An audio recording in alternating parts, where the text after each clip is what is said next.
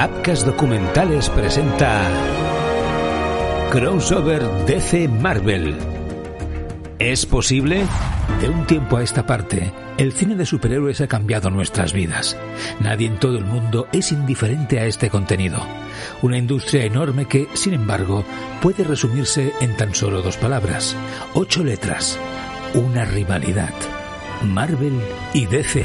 ¿Hasta dónde están dispuestos a llegar ambas compañías? ¿Dónde está su techo? ¿Es posible que esta espiral de dinero desemboque en un crossover de las dos mayores potencias de la industria?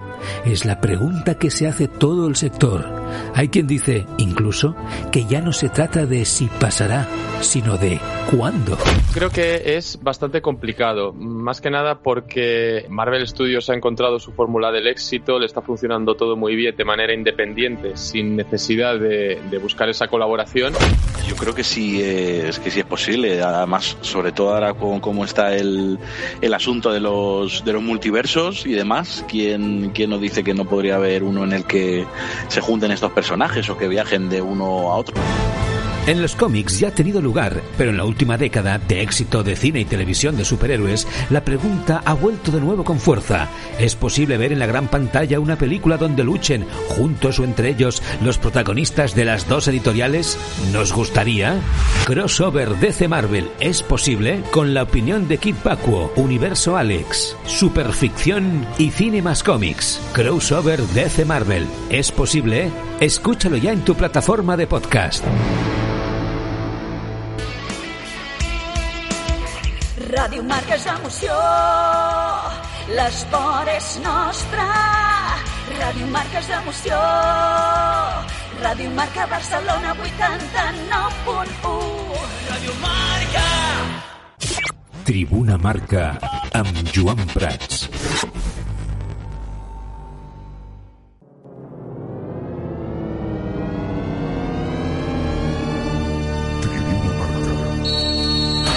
Són les 7 de la tarda.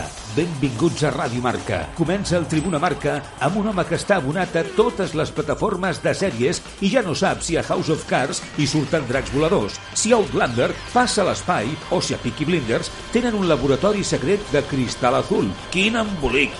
Joan Prats Nieve! Tal? Com esteu? Molt bona tarda. Benvinguts un dia més al Tribuna Marca. Un dels mals de caps del Futbol Club Barcelona aquest estiu està a punt d'arribar al seu punt i final. Molt ben aviat.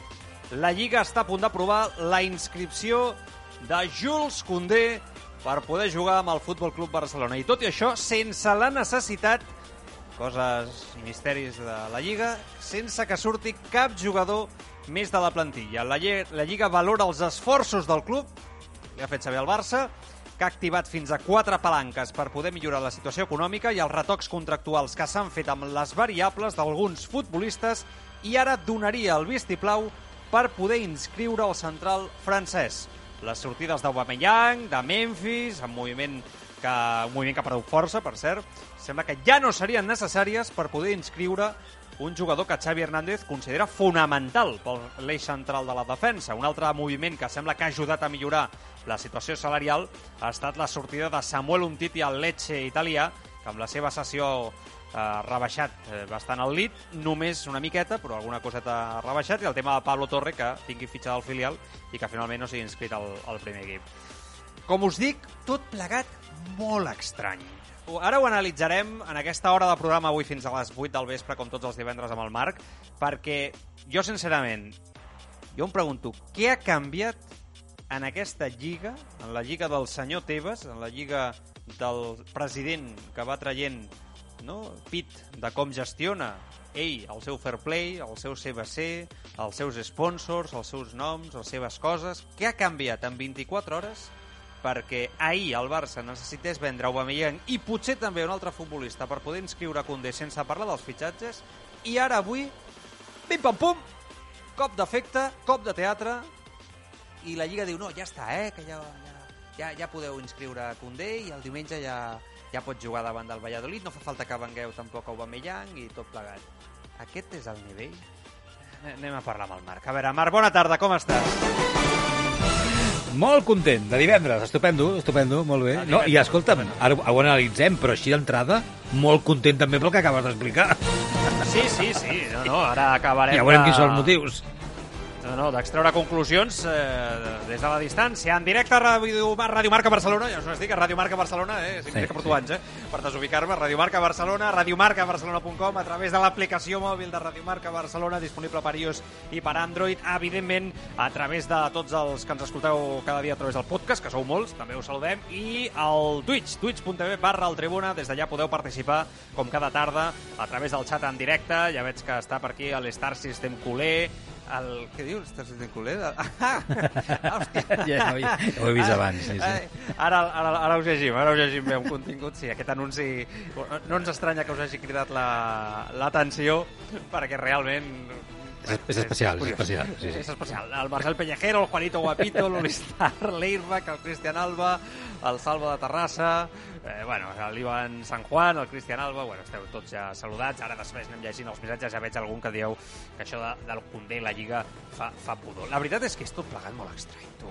Eh, quan, quan el Barça estava a punt de signar amb CBC, tot eren facilitats no? I, i, i l'alfombra era tota la catifa vermella perquè poguessis entrar allà com si fos una, entre, una estrella de Hollywood, tu. Eh? Eh, després van venir tota la sèrie de problemes perquè el Barça pogués inscriure, eh, Messi havia de marxar del Barça, no hi havia espai, tot plegat.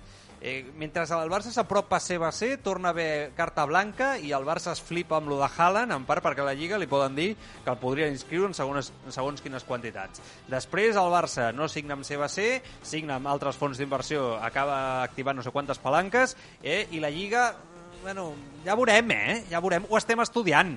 Eh, ho estem estudiant i ja veurem, eh? Ens, això és el que deien. I el Barça tot preocupat dient, collons, és que ja no sabem com fer-ho per encaixar aquí, augmentar... El, marge salari, el, límit salarial el Barça la- l'augmenta amb els fitxatges, però amb la idea de vendre també, no? Per, per al final equilibrar una mica dins dels paràmetres salarials que necessita el club sabent i reconeixent que això no fa falta que ho digui la Lliga ni el Barça, ho sabem tots, que el problema és el sou dels, dels, dels capitans, dels que més cobren d'aquesta plantilla, no? I ara, quan sembla no, que el Barça, ja cabrejant-se en aquestes reunions amb la Lliga, no? segons el que s'està comentant, jo aquesta tarda he preguntat i una mica bones bo, persones molt ben informades a l'entorn de la Lliga i de, de com està treballant el tema del fair play m'han dit, Joan, és que el Barça s'ha posat seriós i ha començat a enfadar-se amb la Lliga.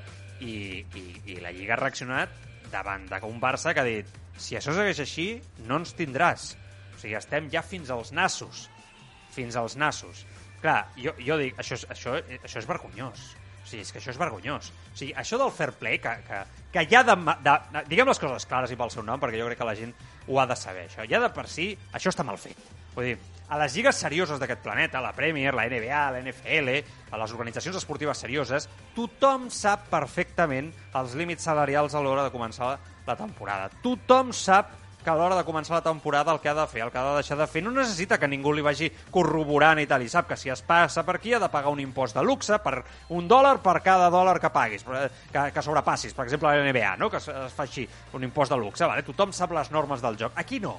Aquí tu comences i et diuen, al juliol et diuen, vas sobrepassat més o menys sobre això, però ja ho estudiarem, eh? I, i, i tu prova i després el, el 31 d'agost ja et direm a veure si potser el fitxatge no pot ser inscrit. No, no, a veure, o sigui, els equips han d'anar al mercat sabent el que tenen, el que no tenen, el que poden, el que no poden, eh, i, i, el que no pot ser és que un equip que fitxa, com el Barça, que a més està arriscant molt amb el tema del patrimoni dels actius, es trobi a mitjans d'agost que li diuen dos jornades, eh, amb el fitxatge estrella, o o pràcticament estrella, no pot jugar, no pot ser inscrit.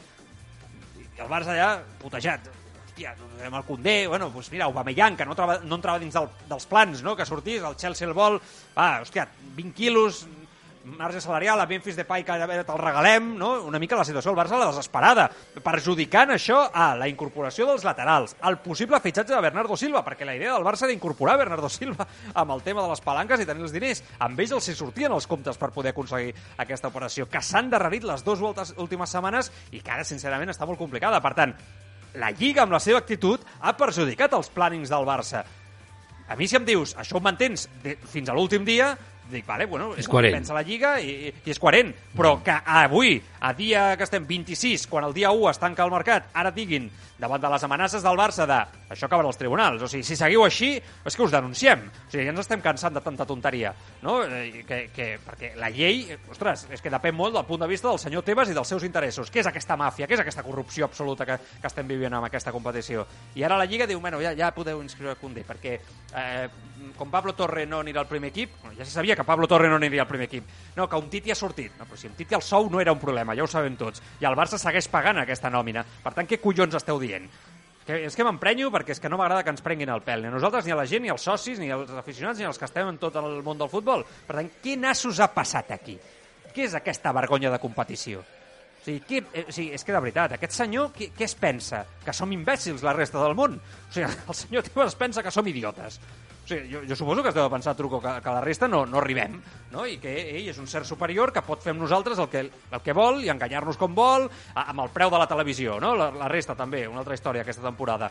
Bueno, jo venc aquí a dos plataformes no? Jo, el, els drets de televisió inflo a tope el preu, les dos compren i ja ho pagarà la gent, tu, a prendre pel sac. I exploto els... Bueno, eh, i el senyor es va omplint la boca dient que és la millor lliga del món, tu no deixes de, per, de perdre efectes, la Lliga està molt lluny de la Premier League, cada dia més, i aquí, la, veritat, amb, amb aquest sistema i tants altres misteris, eh? perquè després està el tema de la seva elecció, no? que, que també és pràcticament impossible que deixi de ser president de la Lliga en l'Assemblea, perquè és que amb aquest sistema donant no, a, tots els, a tots els clubs, que ningú se m'ofengui, però mitjana, baixa, doncs els té pràcticament a favor in eternum, no? Vull dir, què passa? Què passa aquí? I, i, i avui parlem de la Lliga, però podríem parlar un altre dia de la Federació, com ja hem fet. És que, és que t'estava escoltant i dic, Clar, és que... el futbol espanyol està malalt. És que, o sigui, és a dir, ja sé que no és, no és exactament, exactament el mateix, eh? Però és que sembla que no ens haguem oblidat de tot el colabrot del superagente secreto Anacleto Rubiales amb, amb tot. I és el president de la federació. Molt de titular, molt de tuit, molt de notícia al confidencial, i què ha passat? Res. I amb la Lliga ha passat tres quarts del mateix, però és que ho parlàvem aquesta setmana, em sembla. I és que el futbol, i altres estaments de la societat, eh, està muntat així. És campi qui pugui. Todo pa mi hasta que no me dejen, en tots els aspectes. Des del més petit, després després parlarem de, no, del documental de, de Figo. Sí, de Figo. Des del més petit, és a dir, des del jugador i el seu representant, al club, a la institució, a la federació, a la lliga, als, als àrbitres... És una màfia, tio. Tot, tot funciona així. Tot funciona així. Aleshores, hi ha una organització, diguem-ne que aparentment eh, legal, democràtica, que funciona com funciona. Això que acabes d'explicar, el tema del fair play és un catxondeig. És a dir, aquesta setmana jo- hem obert... És impossible que vinguis ara i, en, i, en, i facis una explicació Explicació- sobre com funciona això. Impossible. I recordem que aquesta setmana estem parlant de sanció... eh, Hem començat la setmana parlant de sancions cap al Barça, de nou, pel tema del fair play la temporada que era 2021, no? A la UEFA. Ah, de la UEFA, ja, ja, ja, ja, ja. Però vull dir que el tema del fair play és una d'aquelles coses que el futbol, evidentment, evidentment, ha de regular. I ha d'estar controlat. I ha d'estar delimitat. Aquí ens hem passat molts mesos dient, hòstia, quina gran putada pel Barça, perdó l'expressió, però hi ha una llei, ha una normativa, i el Barça ha de moure's per complir-la. Perdona, una lliga, una lliga que va permetre que el Barça anés a aquests marges salarials, que aquí és on comença tot. Sí. Vull dir, és que sembla que el president Tebas no fos el president de la lliga quan el senyor Bartomeu sobrepagava sous per sobre del marge salarial i aquí no passava absolutament res. És que sembla que això s'ha oblidat. No, és la mateixa persona la que permet això, la que després, no, pels seus interessos X, eh, perquè jo suposo que això deu anar així, canvia, apreta, no signes amb CBC, et putejo, ara tal, ara et permeto, ara no, ara tal... I fins que el Barça no s'ha posat seriós, perquè el cabreig que porten al club és impressionant, no m'estranya, això no, ha- no, no ha canviat, vull dir, això no ha donat un cop d'efecte important. És que, i, i fins i tot hi havia algun oient que em deia aquesta tarda, truco, que em deia, no, competició adul- adulterada, perquè el Barça no ha pogut seguir amb el seu planning de fitxatges durant dues setmanes per al missatge de la Lliga respecte a la inscripció d'un jugador. No està fitxant laterals perquè diu, bueno, fins que no ho inscrivi a Condé... Vull dir, i ara es pot... Bueno, és que això no, això, això, no és seriós. Això no és seriós. Clar, no, i, la, així i, la meva pregunta, avançarem. I la meva pregunta és ara amb aquesta decisió de no cal vendre a ningú, ja està tot, ja podeu inscriure a Condé, No, ara s'està complint amb el fair play que s'estipulava fa dues setmanes?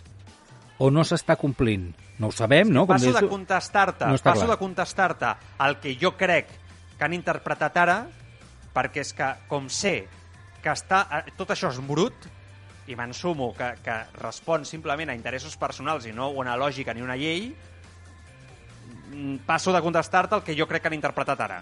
Perquè és que no em dóna la gana, sincerament. és que o sigui, crec que el focus s'ha de posar realment en com aquesta persona gestiona, com la seva organització gestiona i com el Barça ha estat maltractat de forma ferotge per part d'aquest senyor i la Lliga d'una forma brutal i que el Barça ha de saber amb qui està.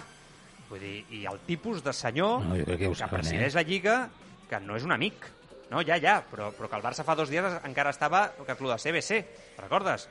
Bueno, uns mesos encara estava que si Sí, CBC però no, no per amistat, que sinó no per, per, jo crec que per Bueno, necessitat. Per eh? necessitat, però entraves al joc, vull dir, entraves a la... No, no, aquest senyor, al, aquest senyor se li ha de plantar cara.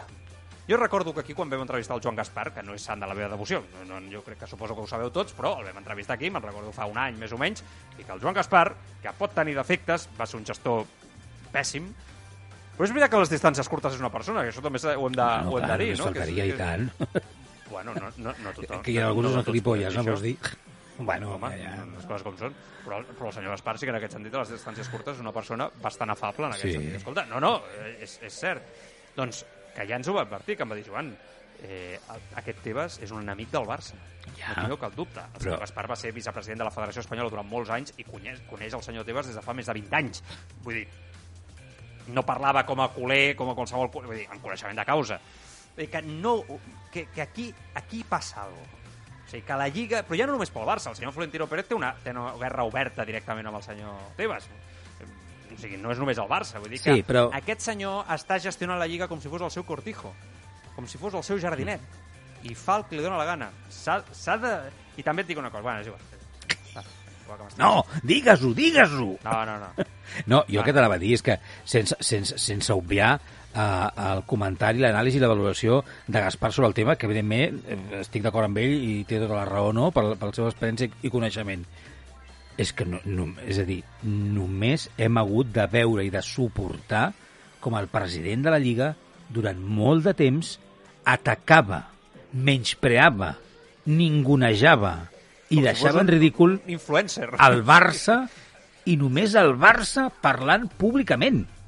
Vale, però això, quan parles així, des d'una posició com la de president de la Lliga, parles així quan et sents impune, perquè tens el control, com a tot abús... No, no, perquè o- vull dir o persona sobre el tema de l'enemic, Poder, que, que, que és un enemic Clar. teves, està, està més que clar. i ho fa perquè públic ell, i a clar, riu públicament. Exacte. Això, però, però quan actua així és perquè se sent impune. Per què? Perquè té el suport de, de 17 clubs a primera divisió que abans no tenien el poder, que abans no tenien veu i vot i estaven molt per sota del poder i el control que tenien el Barça i el Madrid, que no dic que això em sembli bé, i ara aquest senyor ha dit, hosti, si amb aquest sistema jo ho tinc ja muntat aquí, i ell se sent guanyador. I la seva manera de fer les coses és aquesta, de manegar les coses, doncs com fa pues, 70 anys, ¿no?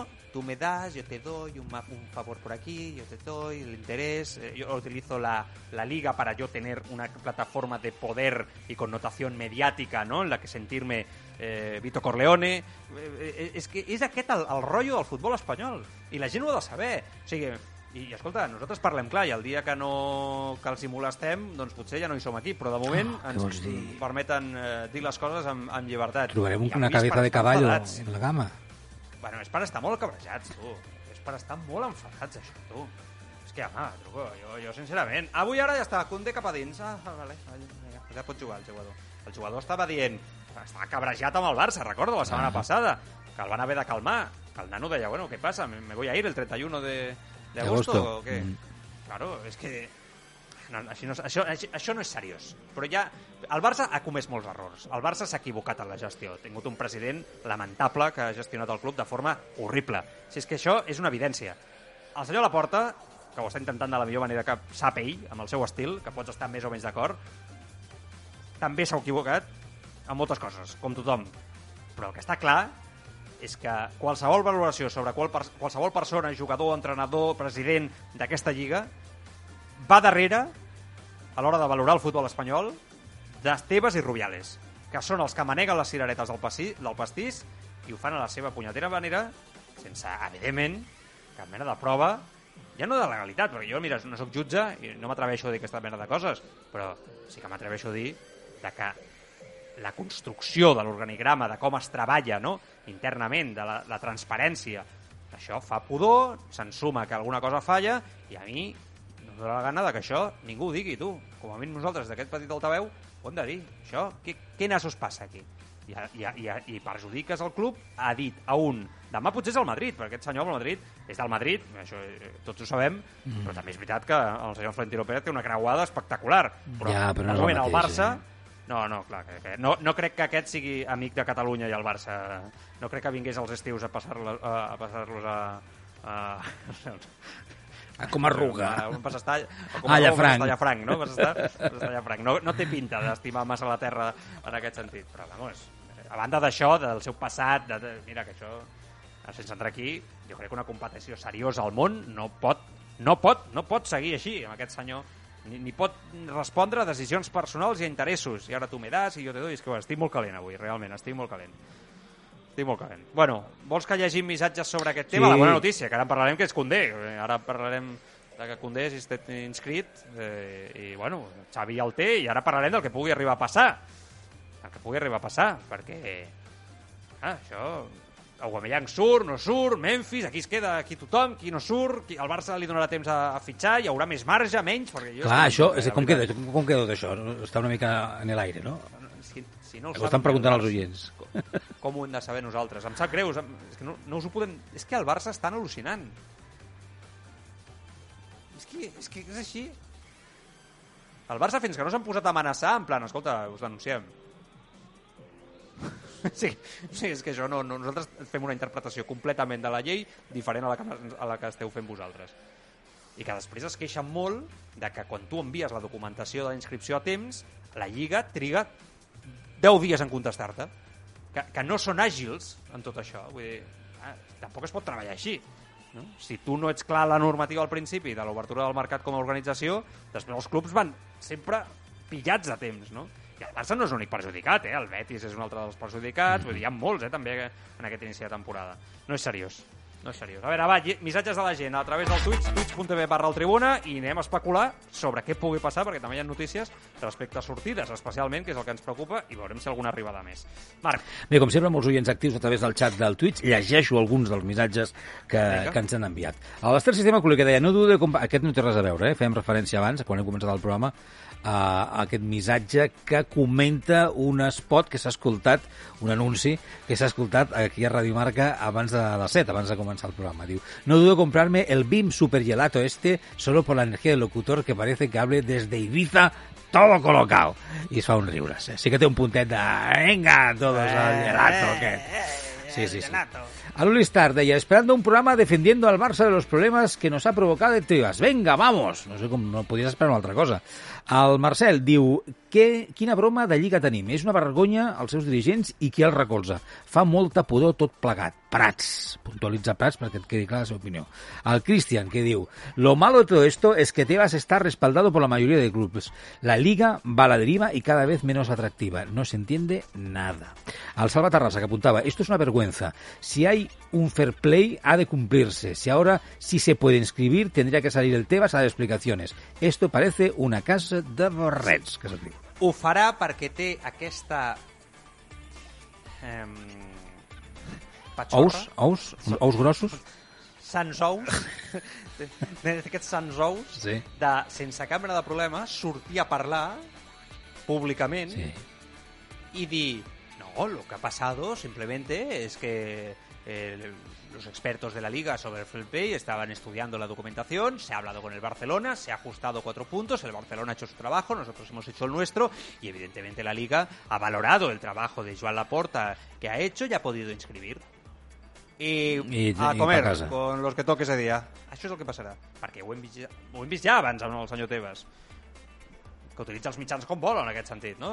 No té cap problema en parlar públicament i, O- o no diràs es res, també, eh? als estudis i... Com? O no dirà res, tampoc. Bueno, jo, si li pregunten... No, no, ell no dirà res, però si li Li pregunten... pregunten? Ell, no, ell mai, mai, sempre s'atura, Tebas. Sí. Tebas és famós per agrada, sempre li agrada, aturar-se davant sí, dels sí. micròfons. Va, entra al joc. Luistar también apuntaba, digo, los clubes se tendrán que revelar, pero con CVC los tienen pillados por donde no suena. Al Salma que també apuntava, diu, truco, esto es una trampa de Tebas para que la UEFA sancione al Barça, otra explicación no veo. És a dir, si tot això ha la mà negra de Tebas perquè en el No, futur... no oblideu que Tebas i UEFA no són especialment amics, eh? Vull dir que això cal també tenir-ho tenir en compte. Bueno, a vegades sí, però generalment no. Al Point Games que diu, nada, super, nada Superliga y que se quede con los partidos Valladolid versus Tenerife en su liga. Missatge per Tebas. Al Rulihuaca, 3 Israel, diu, llevamos todo el verano con los memes y bromitas de que el Barça, de que si fichaba y eh, no tenía ni para inscribir, eh, que si mal lo hacemos, vaya, ahora resulta que hay jugadores como Azpilicueta y- o Cundé y quién sabe que más perjudicados por una mala interpretación de la patronal, mala fe o fallo, da igual, no sé qué es peor. Aquest missatge em sembla molt adequat. Azpilicueta no està al Barça per culpa d'això. Tu has perjudicat a un equip de futbol amb un fitxatge que estava fet? El jugador t'estava esperant. El jugador li havia dit al Chelsea que se'n anava. El Chelsea tenia un acord amb el Barça. I Azpilicueta es cansa, comença la Premier i es queda un club que li ha donat tota la seva carrera esportiva. On és capità i on no ha volgut quedar malament. Tu has, perjudicat de forma ferotge un dels millors clubs de la Lliga Espanyola, una de les imatges més importants de la Lliga al món. Mm. El Barça què ha de fer? Mirar cap a un altre cantó, baixar el cap i ja està. I... És que, sincerament, eh, a mi m'agradaria que el Barça reaccionés avui amb un comunicat, plantés cara i digués ok, Condé ja està inscrit, però ara obrim una guerra oberta judicial per investigar per què fa dues setmanes no hi havia marge i ara sí. Ara, això és el que m'agradaria que fes el president Laporta. Ja sé que a vegades aquestes coses són perilloses i, i veient que has de mesurar molts aquests cops i que és fàcil dir-ho des de la meva posició. Segurament el president Laporta el primer que em diria és Joan, és fàcil dir-ho de, des d'on estàs tu, des d'on estic jo, he de vigilar pels interessos també del Barça, esportivament, la Lliga i veient com funciona la cosa. Però, sincerament, és el que, és el que jo crec que seria el coherent ara mateix. Dos últims missatges per acabar eh, aquesta ronda. Un del Palau a la 777 que diu no estic diu, de acuerdo Joan, Tebas será del Madrid pero ha demostrado que no tiene amigos. Bueno, que dèiem abans de, Bueno, de la posició del, del president de la Lliga. estamos de acuerdo más o menos. Y la Star Sistema Culé que diu bravo Joan, quizás te matan al salir de casa, pero bravo por lo valiente que eres. ¿Tan valiente has sido? No sé, tampoco en ¿Este es el del supergelato este? Ah, De- sí, sí. ¿No el del supergelato? Sí. Eh, bueno, valiente. Espero que nadie me tenga que matar al salir de casa por... eh, creo que el problema lo tienen más ellos que yo, pero vamos, que si me tienen que matar al salir de casa por decir la verdad, por lo menos la palmo con honor, siendo fiel a la verdad. Si estiguéssim a Rússia no, no m'estranyaria igual, però aquí de moment encara no, no? Però vamos. Ai, Déu meu. Gràcies a tots per participar. Bueno, ara què, no? Aquesta és la pregunta. Que ens fem tots, no? Ara què? Perquè Condé ja està, però amb Aubameyang tot està pendent de que el Barça accepti l'oferta del Chelsea. que es quedi, Eh, que es sembla... Bueno, clar, però Jo sembla que que, el Barça quedi. s'ha plantat. El Barça ha dit, demana 20 milions d'euros més variables, el Chelsea ofereix 15 més Marcos Alonso. I a més el Barça prioritza els diners abans que el tema Marcos Alonso, amb un jugador que, que amb el tema Valde, no? em sembla que pel lateral esquerre s'han generat certs dubtes, i després està el tema Memphis Depay.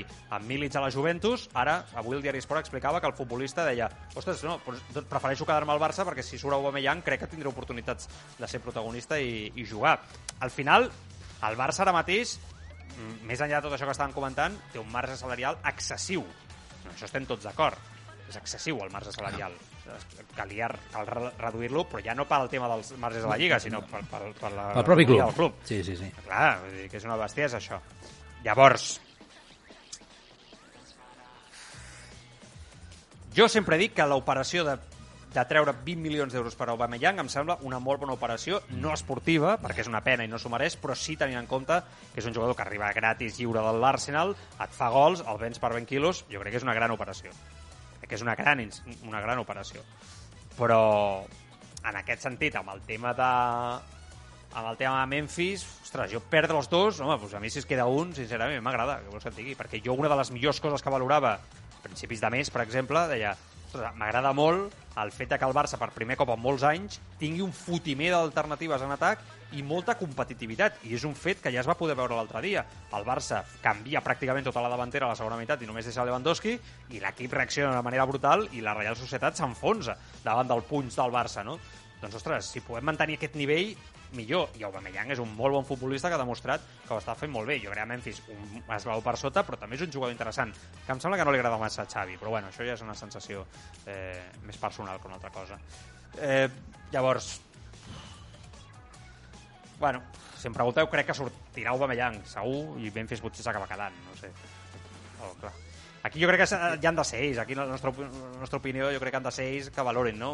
Que, diners o que el tema esportiu no passi pel davant, truco, no? Jo crec que aquest és el tema. És que, com dius tu, més enllà del tema Tebas i la Lliga, el Barça s'ha de gestionar bé internament.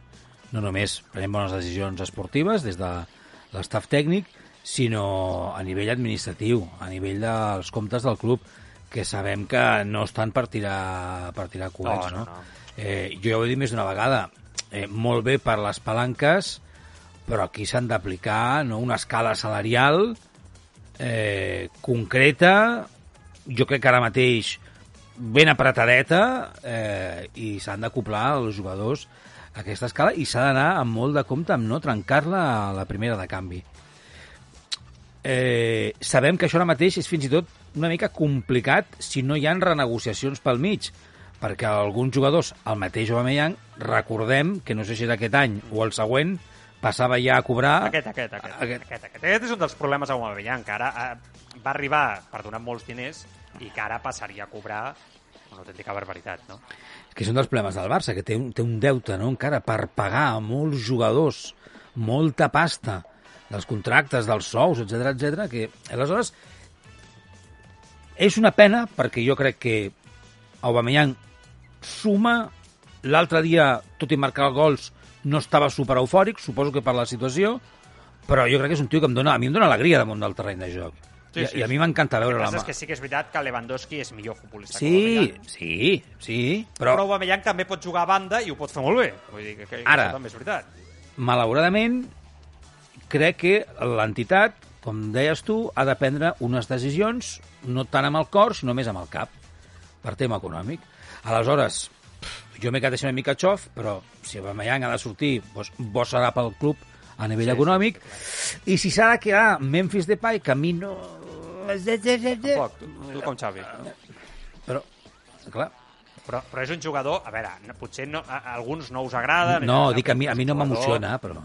Vale, però, però que és un jugador que, que estem parlant de que um, el United el vol. Um, Sí. La Juve eh, la volia. Vull dir que al final és un jugador que és davanter d'equip top europeu, que no és al nivell de Lewandowski, Ansu Fati, Rafinha, potser Dembélé, el propi Aubameyang, potser està un esglau per sota, però a mi a dia d'avui no em sembla millor Ferran Torres que Memphis Depay.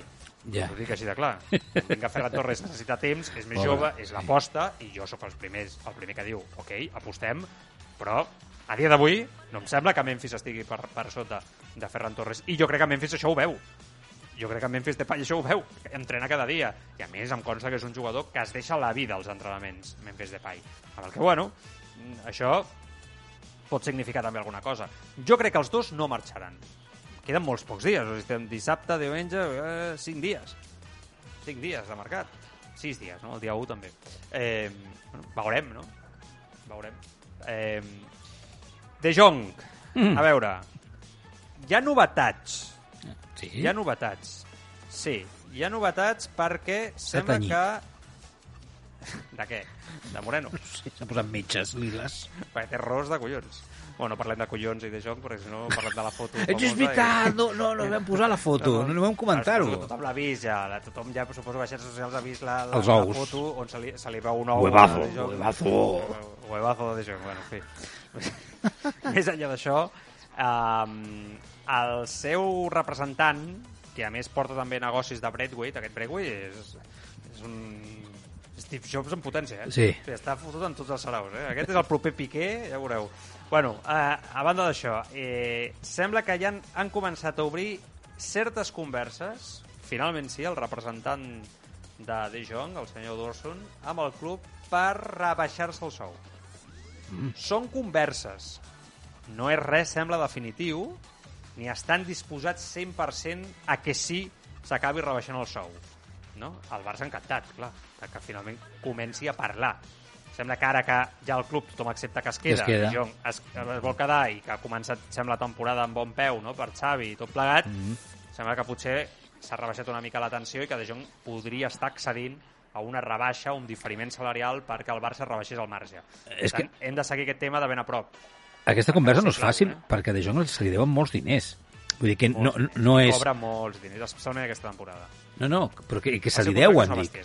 Que sí, sí, I però, se li deuen molts i se li deuen molts diners. Vull dir que la negociació no és tan fàcil com em sento a dir, doncs va, ara en comptes de tant, doncs mirarem de, cobrir, de cobrar ta- tant menys o de diferir-ho de no sé quina manera. Jo crec que és molt difícil aquesta conversa perquè hi ha deute encara per pagar al jugador. Però bueno, bo és que se seguin a parlar, això sí, clar. Això pot tenir una conseqüència en què finalment si De Jong arriba a un acord amb el club, ara amb el tema de la Lliga i el marge salarial que hem explicat al principi, perquè s'obri l'escletxa de Bernardo Silva. No ho sé respondre, això. Crec que cap periodista ho, ho podria respondre, us mentiria, em sembla a mi. I crec que el club ara mateix tampoc ho saben directament. Perquè jo crec que tot està ara mateix al minut, no? Eh, L'acord al Barça amb Bernardo Silva el té. Que hi vol venir el Barça, ho sabem tots. Que el City donen per fet que no es mou, també és veritat, a aquestes altures de la pel·lícula. Jo ho veig difícil, pràcticament impossible. I que es quedi de Jong amb rebaixa i que vingui Bernardo Silva... Sé, seria la llet. Però també et dic una cosa, Però vols dir que- Bernardo Silva, s'acabi quedant de Jong, fitxin els laterals i tal, jo crec que a la porta mm, l'heu d'anar a buscar d'aquí 5 mesos a Ushuaia de la celebració i la farra que es fotrà el president del Barça celebrant el mercat històric, més històric de la història del futbol no? a nivell de reforços. Perquè és una cosa de bojos. Sí. Sí, Ara, sí, Mateu sí. Alemany potser no arriba el dia 1, eh? Aquest senyor,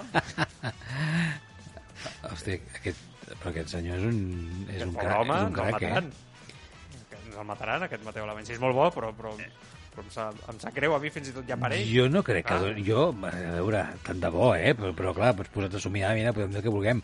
Però jo no crec que doni per tant, eh? És que, clar, eh, amb el que hem obert el programa no, no ens queda massa clar encara quina és la situació ara mateix, més enllà de l'interna, eh? La legal, com si diguéssim, a nivell de fair play, per poder fer moviments. I, eh, i, i, i, i aquesta opció estaria condicionada a rebaixes i a sortides que no s'han donat encara i que, Clar, clar, i que acabes de dir que han començat a parlar. Aleshores, Però mira, aquí hi ha molta gent que, que diu jo crec que algo va haver, Sant Mateu, Alemany, diuen i tal. O sigui, jo, jo crec que la gent pensa Mateu seguro nos tiene algo reservado, tal. És que, Bueno, el Tugromi diu- diu, és Sí, no? mucha pasta en sueldos y te has pulido las palancas. És que... No, no, claro, claro. No, no, que, que això de Bernardo Silva, eh, una cosa que us dic jo, que, que, que és una pregunta retòrica una mica, que llenço jo a l'aire, en plan, bueno, perquè la idea del Barça era fitxar Bernardo Silva, vull dir, això és, és conegut per, per tots, encara que semblés impossible, era la idea, tancar el cercle, no?, amb el fitxatge de, de Bernardo Silva, per tant, bueno, s'ha de veure. Bueno, veurem. Eh, I queda el tema dels laterals. Mm. I ara parlem de Braithwaite, que tela això. Queda el tema dels laterals. Amb el tema de Sergio Des no s'avança, lo de Marcos Alonso no s'acaba de veure del tot clar, Des no es vol moure, el Barça diu bueno, doncs que surti cedit per alliberar massa salarial i a veure si millora un equip i tal, però el jugador no es vol moure. Amb Héctor Bellerín sembla que s'ha parlat i se li ha dit espera i tingues paciència fins al dia 31, té el Betis allà com a segona opció per si finalment no fitxa pel, pel Barça, arribaria lliure, recordeu que té un acord amb Arteta per residir el seu contracte, i a les últimes hores saltó la notícia perquè, sincerament, mm, no, no el coneixia massa, s'ha de dir. A França estan parlant de que el Barça, o està publicant l'equip a aquestes hores de la tarda, acaba de fer una oferta per Amari Traoré. Amari Traoré, lateral dret de 30 anys de l'Estat Terrens, un dels millors laterals, diuen, de la Lliga francesa, que li queda un any de contracte, estaria cobrant al voltant dels eh, 2 milions eh, d'euros per temporada, Aquests, aquests, i el Barça aquests. hauria aquests són els interessants, no? Bueno, Aquests sous. Eh, se suma a la llista de Thomas Munier i de Juan Foyth, no? del, del Villarreal, amb el problema i la problemàtica que suposa el que demana el Villarreal per a aquest jugador. A mi, si em dieu, perquè jo crec que, per exemple, diumenge Valde tornarà a ser titular, jo crec que el lateral esquerre, tenint en compte que si realment Xavi, realment Xavi, aposta per Alejandro Valde, que jo crec que això s'ha d'acabar de confirmar, però jo crec que tenint en compte l'estat de forma del nano, jo no fitxaria potser un lateral esquerre i em centraria d'aquí al dia 1 en el lateral dret, que aquest sí que és prioritari a tots els nivells.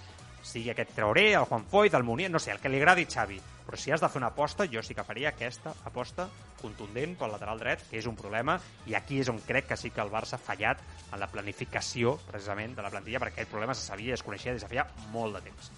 Però, bueno, clar, eh, veurem, no? Perquè, com dius tu, totes t'es penses de, del que pugui passar. Eh? Clar, aquí alguns oients, no? jo acabo de punxar per la gent del Twitch, que eh, op- opinen que potser, si hi ha possibilitat, no?, encara de, de fer alguns fitxatges, si els números ho permeten, amb sortides o sense sortides, s'ha d'anar cap als laterals. anem justos, eh, a temps, un cop més. Ja, ja, ja. S'ha d'anar cap als laterals, no? I segurament, Els laterals. per, per començar, el lateral dret.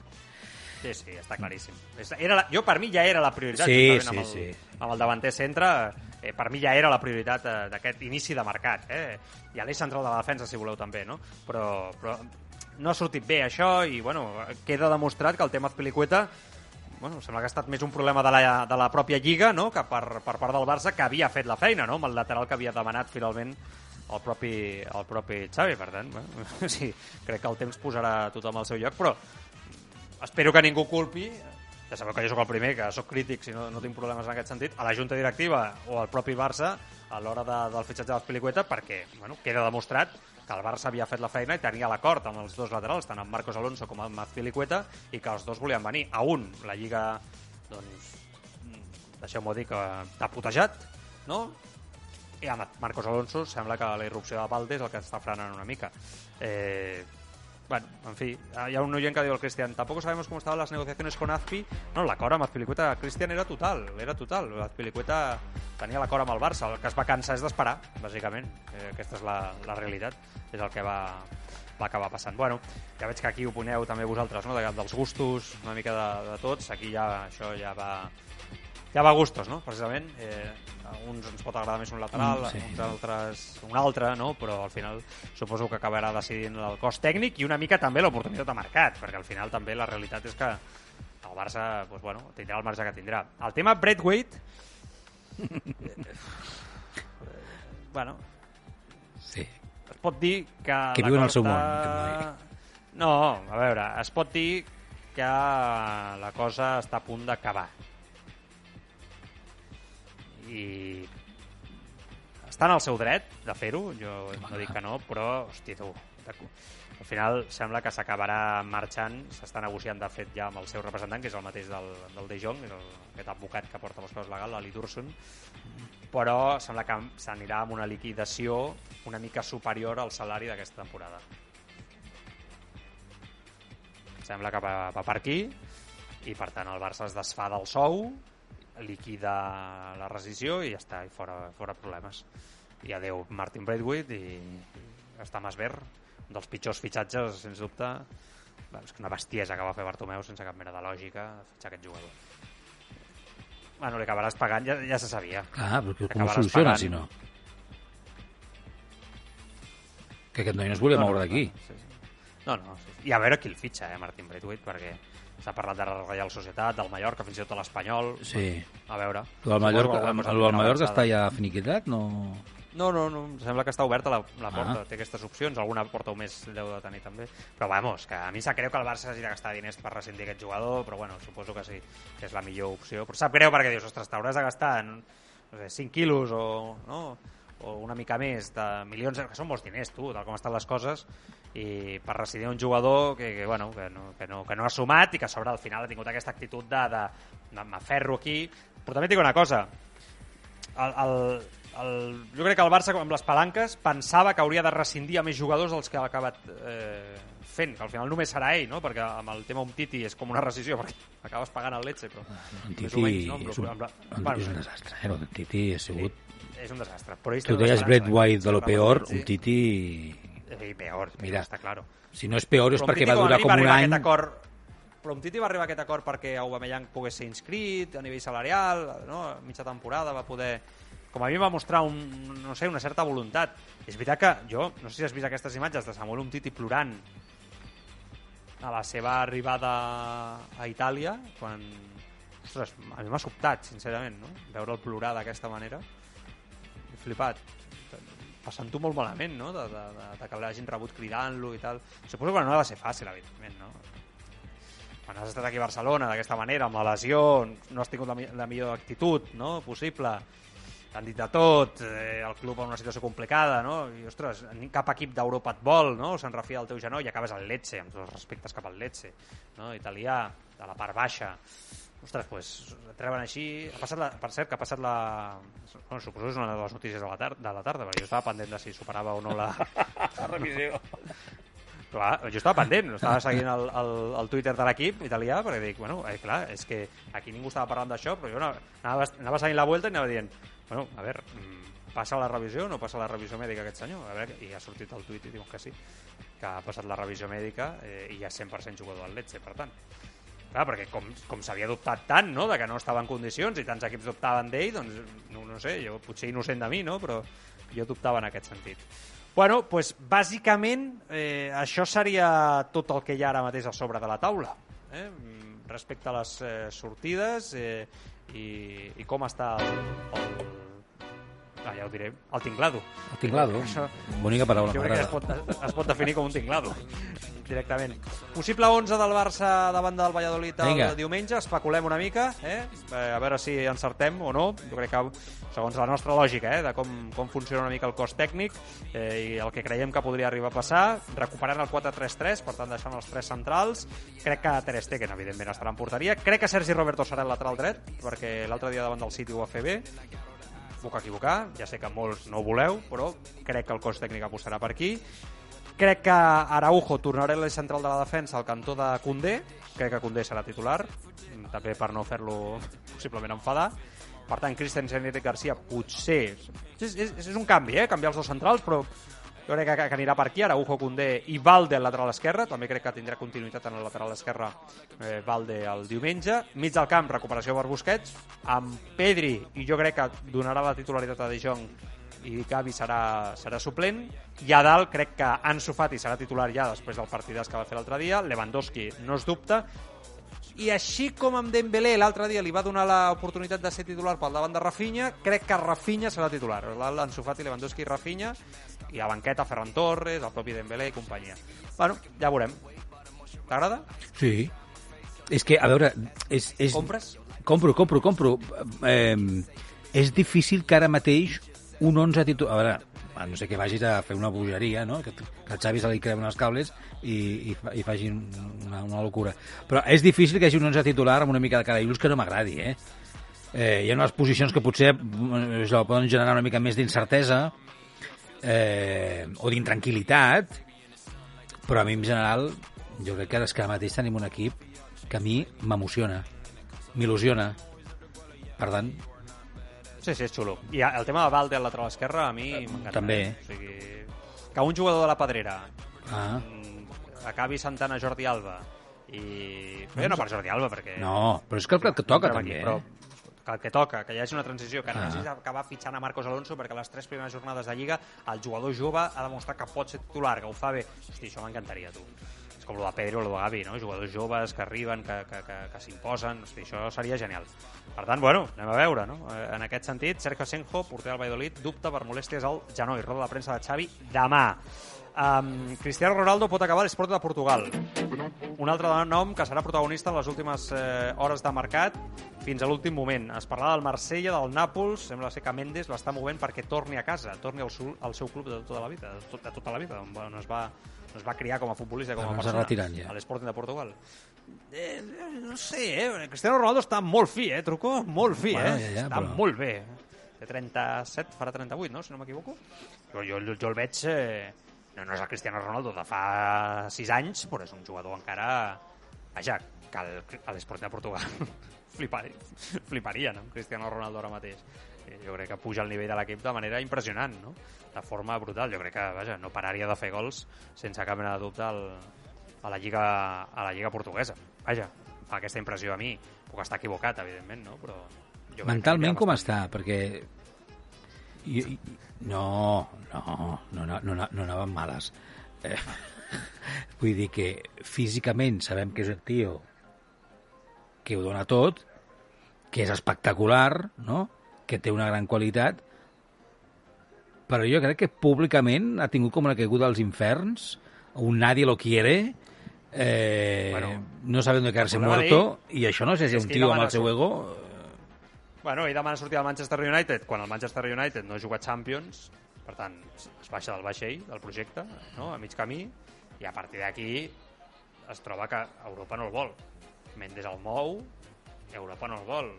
Sigui, així com altres equips busquen un davanter centre a la desesperada no? i busquen el nom, o sigui, el Chelsea, per exemple, que va desesperat per tenir un o dos davanter centres després d'haver tret el propi Werner i el propi Lukaku, a Cristiano Ronaldo sembla que no el tenen ni com a primera, ni com a segona, ni com a tercera, potser com a cinquena opció. O sigui, els altres no s'aconsegueixen, no? Prefereixen pagar abans que anar amb Cristiano Ronaldo, que sembla que el United estaria disposat a, a donar-lo no? pràcticament eh, amb la carta de llibertat, no? amb una rescisió, perquè és, un, és una bomba de rellotgeria en un vestidor, i ho analitzàvem amb el Jaume, no? que, que necessita reconvertir un projecte que està sent nefast a les últimes temporades. No? Té un hack lluitant allà per intentar tornar-lo al més a dalt possible. Bueno, um, anem a dedicar els últims minuts del programa. Uh, recordem que tenim el grup de Telegram, recordeu, tenim, allà el podeu buscar, Tribuna Barça, en aquest sentit, que estem comentant l'actualitat del dia a dia entre tots, ja cada dia sou més, eh, els que esteu allà xerrant i fent patar la xerrada, eh, l'actualitat del Barça, bàsicament, Tribuna Barça,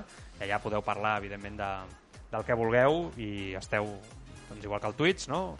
Convidats a, a ser-hi. Uh, del documental de Luis Figo, d'aquest documental que s'ha estrenat a, a Netflix, jo el vaig veure ahir a la nit, em sembla el truco l'avís aquesta tarda, si no Sí, l'estan mirant al llarg del dia d'avui, sí. sí. al llarg del dia d'avui. Molt eh? fosc. Bueno, eh, bueno eh, jo, jo dic una mica... molt fosc. Bueno, és, és veritat que jo per començar el que dic és que fa molta mandra de primeres, la, la, la primera sensació que vaig tenir jo és ara em fa pal no sé si a molts culers també, el meu pare directament m'ha dit no tinc ganes de, De- eh, reviure una vella ferida eh, imagina't, eh? O sigui, no, és que clar, és que això va ser una de les situacions més traumàtiques del, de la història del club i que va comportar, jo crec que va sumar molt a que el mandat de Joan Gaspar estigués eh, ja comencés molt malament i el Barça va estar 5 anys molt fotut després de la sortida de Luis Figo i, i no cal recordar-ho perquè ho sabem tots, no? El documental, per començar, jo diré que està molt ben fet. Jo crec que això s'ha de reconèixer. A nivell audiovisual és un producte molt ben fet, que té protagonistes... De Estan- estan nivell, els protagonistes. Florentino Estan. Pérez, Joan Gaspar, Sí, sí. el Veiga, que és el representant, Sí. el, el Futre, que és un Sí. diante... Eh, o sigui, estan tots. Està Figo, o sigui, estan tots. Guardiola. Estan tots, i això... De Guardiola, exacte. Guardiola parlant d'una manera molt sincera, eh? vull dir que, que és estrany que Guardiola es presti aquestes coses, i, i és, i és amic personal de Figo, i suposo que això també ha ajudat, perquè em consta que aquest documental s'ha fet perquè la productora ha pagat una quantitat important a la família Luis Figo, que ha venut els drets a Netflix, a, bueno, la productora, que després ho ha venut a Netflix, perquè hagi pogut fer aquest eh, producte audiovisual, vull dir, Figo és el que cobra la pasta per explicar, o sigui, és que, és que és, jo crec que el, millor de tot és que Figo acaba cobrant una pasta per vendre els drets de la seva història d'un documental. Dir, Però és que... Bueno, no sé, acollonant. per mi la conclusió està clara, Ja, eh? Per això, per això, per això. I llavors jo la conclusió que trec és que ell no volia sortir del Barça, però que juga a la puta i a la Ramoneta, que juga una mica en aquest sentit eh, anem a forçar, anem a, anem a forçar. Per mi juga brut, perquè no podem oblidar que un any abans estava, estava renovant pel Barça per una quantitat important. Ja enmig al Barça eleccions, amb el que això tampoc ajuda. El Veiga i el Futre és el que jo vull creure, i cadascú creurà el que vulgui, no?, del documental. Jo crec que Figo no, no, no dona consentiment per signar aquell precontracte, jo ho crec, sincerament. Crec que Veiga, quan veu la pasta que pot caure per aquí, pot trincar de comissió per part de Florentino Pérez, és el que signa aquest contracte sense el consentiment de Figo. Amb el Futre, que jo flipo, perquè estem parlant de l'icona segurament històrica més gran de l'Atlético de Madrid, i aquest senyor, jo no sé com haurà sentat això als matalassers, aquest senyor es va dedicar a portar una estrella a l'etern rival i cobrar un milió i mig d'euros i que amb una mentida de Florentino Pérez fent veure que parlava amb el representant per telèfon, com explica Futre, davant de Florentino. Vull dir, bueno, el que dèiem, màfies, el que dèiem a l'inici del programa. Però eh, jo crec que Figo, sincerament, el seu tarannà des d'un primer moment, moment ja és aquest. Jo crec que no volia marxar del Barça, no volia, i que no odia el Barça fins que el reben al Camp Nou tres mesos després. Aquesta és la sensació que vaig tenir mirant el documental. Però que el tarannà del representant del futre del propi Figo és marejar, jugar, vull dir, enganyar, i que això, pues, quan juegas con fuego, Jo- quemando. mirant el, el documental clar, com que jo ja hi era no? vull dir, jo me n'en recordo eh, vagament, perquè fa molts anys però me n'en recordo a part dels records jo més enllà de que si Figo va donar consentiment o no, com explica el representant per telèfon, ell diu que no, em sembla que un moment del, del documental que ell diu que desconeixia l'existència de... o que no havia vist el document, o no sé què el desconeixia, i que no, i que no ho va autoritzar. El Veiga diu que truca, que truca però Veiga Figo explica això, exacte, explica que sí, que truca, que llegeix i, i Figo diu mentira. text Diu mentira. i que li demana tal i. Figo diu no. Més enllà de que l'altre i el Futre fossin uns liantes amb el tema aquest perquè van veure la pasta allà, van veure, hòstia, hòstia, aquest tio... La comissió que li donava Florentino Pérez, que Ah, aquesta és una altra. Exacte, Florentino comissió. Pérez donant comissions de la seva butxaca, no del Madrid, sinó de la seva butxaca a persones externes, que això també... Jo crec que, que, per cert, queda molt clar una vegada més la figura de Florentino Pérez, no? de, de, de com és i com fa les coses, però Bueno. jo crec que Figo Per mi és la seu... persona més innocent de tota aquesta història, eh? Sí, no, no ho sé. Eh, Bueno. Crec que respecte a Figo, jo crec que hi ha una mica de neteja d'imatge en aquest documental. Si no, Però no ho acaba de fer del tot, eh?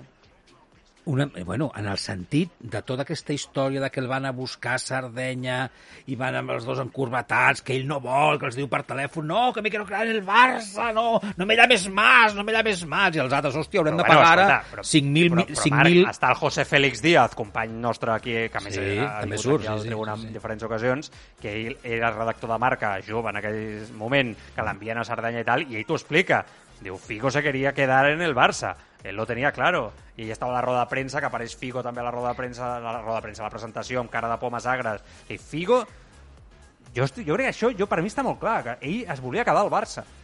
I la dona el pressiona la nit aquella a la trucada i li diu, te quedas en el Barça? I li diu, me quedo en el Barça. Jo no ho tinc tan No. clar, perquè a més a més surt un moment de, abans de fitxar pel Barça, quan hi ha el rotllo que hi ha amb els equips italians, que, que també hi ha allà un, un, Bueno, fa un doble contracte, allà, fa el mateix. un una mica, acord, i- un contracte amb un, un acord amb això et dic que és un l'altre. modus operandi del, del representant, del Figo, de l'entorn, no? de tot això. Clar, i aquí apareix un tio no- que, que- que li que diu que cobrarà que el Figo- quatre vegades el que cobra el Barça. Clar, que jo... No, no, si jo et compro que Figo eh, eh, va jugar a, a la puta de la Ramoneta amb el Madrid i que va, i que va, va dir, bueno, pues a veure si... No? Jugo una mica aquí el doble joc a veure si això serveix perquè al final el Barça m'acabi pagant. hi ha una cosa que es repeteix en més d'una ocasió en el documental Figo, quan està explicant tot el procés de les converses del representant de Vega amb Florentino, que ella estava a Holanda, em sembla, en un, en un europeu, i que, no, en Portugal, i que va i torna, a vés a parlar, amb, el, vés a parlar amb el Florentino, ah, això, ah, doncs vés a parlar amb el, amb el Gaspar, i no sé què, que Gaspar diu que naranjas de la Xina, bueno, torna a parlar amb no sé qui, torna... Tot aquell procés, Al principi, sí. Eh, sí. Eh, tota, és a dir, es va parlar amb el Barça quan fa poc temps, un any o menys, que s'ha renovat, Aquest és el problema. perquè tens un equip que et posa una pasta gansa li, li, li, eh, eh, brutal damunt de la taula. I Figo, en més d'una ocasió en el reportatge, diu que no es va sentir valorat. És a dir, després de la renovació amb el Barça, Ah, fàcil. la justificació de Figo és, és que, clar, jo vaig donar molt, problema, però no em sentia valorat. És a dir, Clar, no em pagaven el que em pagava l'altre, Però- però me'n vaig amb l'altre. És el que va fer, ja però, està. Escolta'm, però aquest és el problema. Aquest és el problema, que tu et renoven per una quantitat i et donen, passava a ser el, el jugador més ben pagat del planeta en aquell moment i que un any després jugues brut i tornes a demanar una renovació. És com si ara renoves Pedri i d'aquí un any Pedri et torna a demanar una altra renovació. Home, diríem, collons, hosti, no, Per tant, segurament no és el moment, no? exacte, que hauries d'haver Figo fet. juga brut en aquest sentit, però això passa abans de que aparegui el Madrid, Marc. És que això és interessant. Llavors, a Florentino Pérez mai No. se li hagués acudit pagar eh, el fitxatge eh, de, de Figo ni, ni, ni intentar aquesta opció si no hagués vist l'escletxa. Vull dir, algú li diu a Florentino Pérez, que això no queda clar al documental, que hi ha una opció de que Figo acabi sortint del Barça perquè està descontent perquè no li paguen el que ell creu que hauria de cobrar temporada rere temporada per ser el millor jugador del món, no? Que, Per això dic que és una neteja, o un intent de neteja d'imatge, tot el que passa després amb l'aventura de me voy a Sardenya porque aquí, no, o sea, no, no, no puedo ir por la calle porque todo el, todo el mundo me odia, me voy a Sardenya, no Bueno, me quiero ir del Barça, i els altres l'han de venir a convèncer, i a més a més, i fixa't, sembla que el van a convèncer no perquè diguin és una millor opció esportiva, sinó perquè en el preacord o contracte que Veiga ha firmat amb Florentino hi ha una última clàusula que diu, sí, al final la vaig veure, bueno, la vaig veure i resulta que no te n'entres d'aquesta clàusula fins que tens el marrón a sobre de que si no acceptes hauràs de pagar 5.000 milions de peles. I aquesta És és l'excusa i el motiu per al qual van a buscar-lo per convèncer-lo. Vinga, Sí, sí, això és raro. Raro. No ho sé, però jo sincerament, eh? Jo estic d'acord amb lo de la neteja d'imatge. Jo ja us he dit que a mi m'ha donat aquesta sensació de que ell no volia marxar del Barça, més enllà de que juga brut igualment i que una mica la bomba li esclata a la cara i que després sí que és veritat, jo crec que des- després desenvolupa un odi cap al Barça, no? en veure com el rep al Camp Nou, fruit també d'aquest mateix ego que al principi volia una renovació pràcticament per any eh, supermilionària, no? que després és veritat que el Barça ho, ho va fer amb, amb altres jugadors. després del clar, cas- és que aquí ho diu algun jugador. tema. No, no, Algun oient ho està Algun dient. jugador, eh? No, algun, algun oient ho està dient en el, en el, en el, en el xat, mira, el punxo. Clar, a veure, el món del futbol, vull dir, sí, però- vens, vas, hi ha jugadors que no es casen amb ningú. Quan, bueno, ja, però també has de saber quan. Un club amb, l'Mbappé. enmig d'unes eleccions, enmig d'unes eleccions, eh, també li... Bueno, No sí. Ja. El que Eh, passa que en Figo, Figo en aquell moment va tenir el pes que va tenir i a sobre, si no ho recordeu, és que en el, reporta, en el documental de Netflix torna a sortir, això fa temps que no ho veiem, va sortir al balcó de l'Ajuntament o de, sí, sí, de, amb el ah, cabell Figo- pintat, visca Catalunya, Madrid llorones, no sé què... Clar, Merengue dir, llorona, Madrid llorona... eh, bueno, me'n recordo, no? una frase, sí, una cosa d'aquelles. Però hi ha un tema. Tu no pensaves... O sigui, va, jo crec que el cop d'efecte d'aquest documental, per mi que hagués estat la llet, és que Figo hagués dit bueno, yo he cometido errores en mi carrera deportiva, tal, no sé qué, y quiero aprovechar ahora, veintipico años después, que pido, pido perdón a la afición del Barça si, si quizá pues eh, la salida no fue de la mejor manera possible i tal. No sé. Jo crec que això, això jo crec que audiovisualment a nivell de reportatge és el que hagués estat, permeteu-me l'expressió, la hòstia. No? De dir, perquè jo crec que la vida, escolta, eh, les coses canvien molt, no? En 20 anys de diferència la manera de veure les coses poden arribar a canviar molt, no? Jo crec que, que ell hagués reconegut, no? De dir, mira, escolta, No, no, perdó no ho ha fet mai? No, no, jo que no ho No, recordo, mai, eh? mai, mai, mai, mai, mai, mai, mai. Amb ell Amb l'afició. ja es Segur? va transformar, després d'aquella rebuda dels tres mesos després, es va transformar en, en un odi cap a Barcelona, a la ciutat, perquè clar, Bueno, però- recorda que la dona volia obrir, estava obrint una botiga a Passeig de Gràcia, que, que, que la, la van intentar Bueno. cremar o no sé què. Vull dir que, que llavors ja, ja tota la família es van creuar en base, no? Era com un odi a Barcelona, no trepitjo Barcelona, que no, no venia... En alguna entrevista li havia, li havia escoltat jo que deia no, no pongo un pie en Barcelona des hace no sé cuántos años, no? Des de quan havia deixat de ser futbolista ja no, ja no jugava en aquest cas al, al Madrid tampoc, vull dir eh, en fi, molt trist tot plegat, no? Suposo que molt trist. Però jo crec que el cop final hagués estat aquest, perquè, home, al final, el culer, a Figo, ara, bueno, és l'enemic número 1, no? 20 anys després segueix sent l'enemic número 1, però és veritat que l'estimava molt, no? En aquest sentit, i jo crec que l'aficionat del Madrid, per molt carinyo i estima que li tingui a Figo, perquè la trajectòria més brillant la va, la va fer allà, no? diguéssim, entre cometes, eh, jo crec que l'aficionat del Madrid és conscient que Figo va fitxar a regañadientes. Només cal veure la, la cara el dia... És que jo, jo això no és nou del, del documental, jo això jo ja, ja ho sabia, ho sabíem tots, que estava cabrejat aquell dia perquè estava a males, no? Com agafa la samarreta, i se la mira com diu, joder, si és la camiseta del Madrid, macho. O sigui, clar, eh, no sé, no, no et sembla que hagués estat el cop d'efecte, no? Jo crec que és una oportunitat perduda, però... perquè el documental està bé, però tampoc és que aclareixi res que no sapiguéssim, no? Bueno, sí, que el fotre es va fotre una drola espectacular eh, amb Florentino Pérez i que va cobrar un milió i mig d'euros de comissió, que em sembla, vaja, la broma pel l'Atlético de Ma- de Madrid als matalasers, rep- repeteixo, em sembla un insult. Ja. Insult, però bueno. No ho sé, jo crec que... Eh, no dic que no, que no sigui veritat que ell, que ell no volia marxar, que es volia quedar aquí per la relació que tenia amb la ciutat, eh, amb el club. De fet, ell, quan parla del seu fitxatge pel Barça, de la seva estada, no? de la seva el seu periple eh, en el Futbol Club Barcelona, tot és és positiu més enllà de quan comença a parlar de la relació amb la directiva i del tema de la renovació i del tema de jo dava mucho i no, no me sentia, no? No recibia lo que jo dava, Això? no?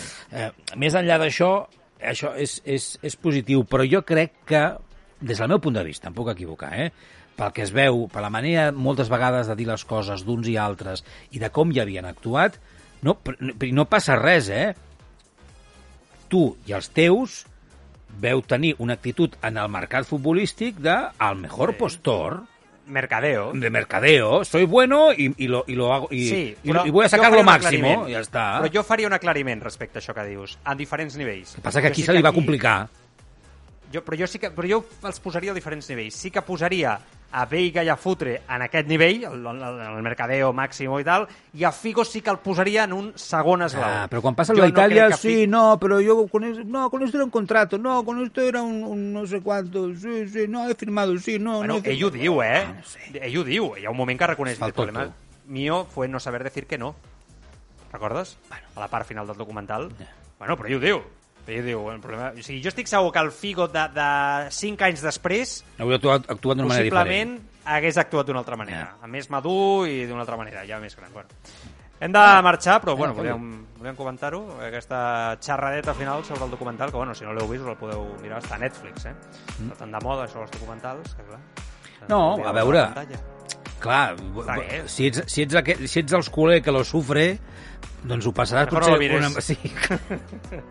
ho passaràs una mica malament, perquè hi ha moments, jo crec que emotius, que tenim aquí al cap, que...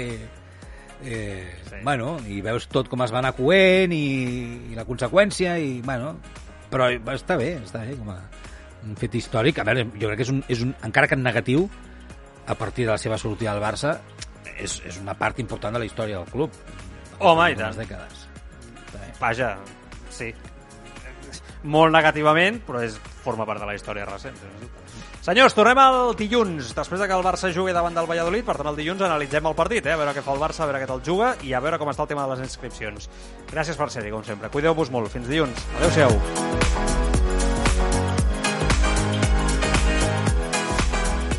En 1990, el futbolista Justin Fasuano confesó en el diario de Sun su homosexualidad.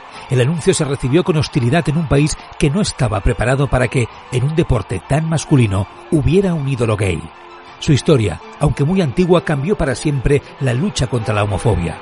Desde entonces ha habido más casos de jugadores que hayan dado el paso, aunque casi todos después de dejar el fútbol. Pero en España, tras 20 años de un nuevo siglo, el fútbol continúa sin haber registrado un solo caso público de homosexualidad.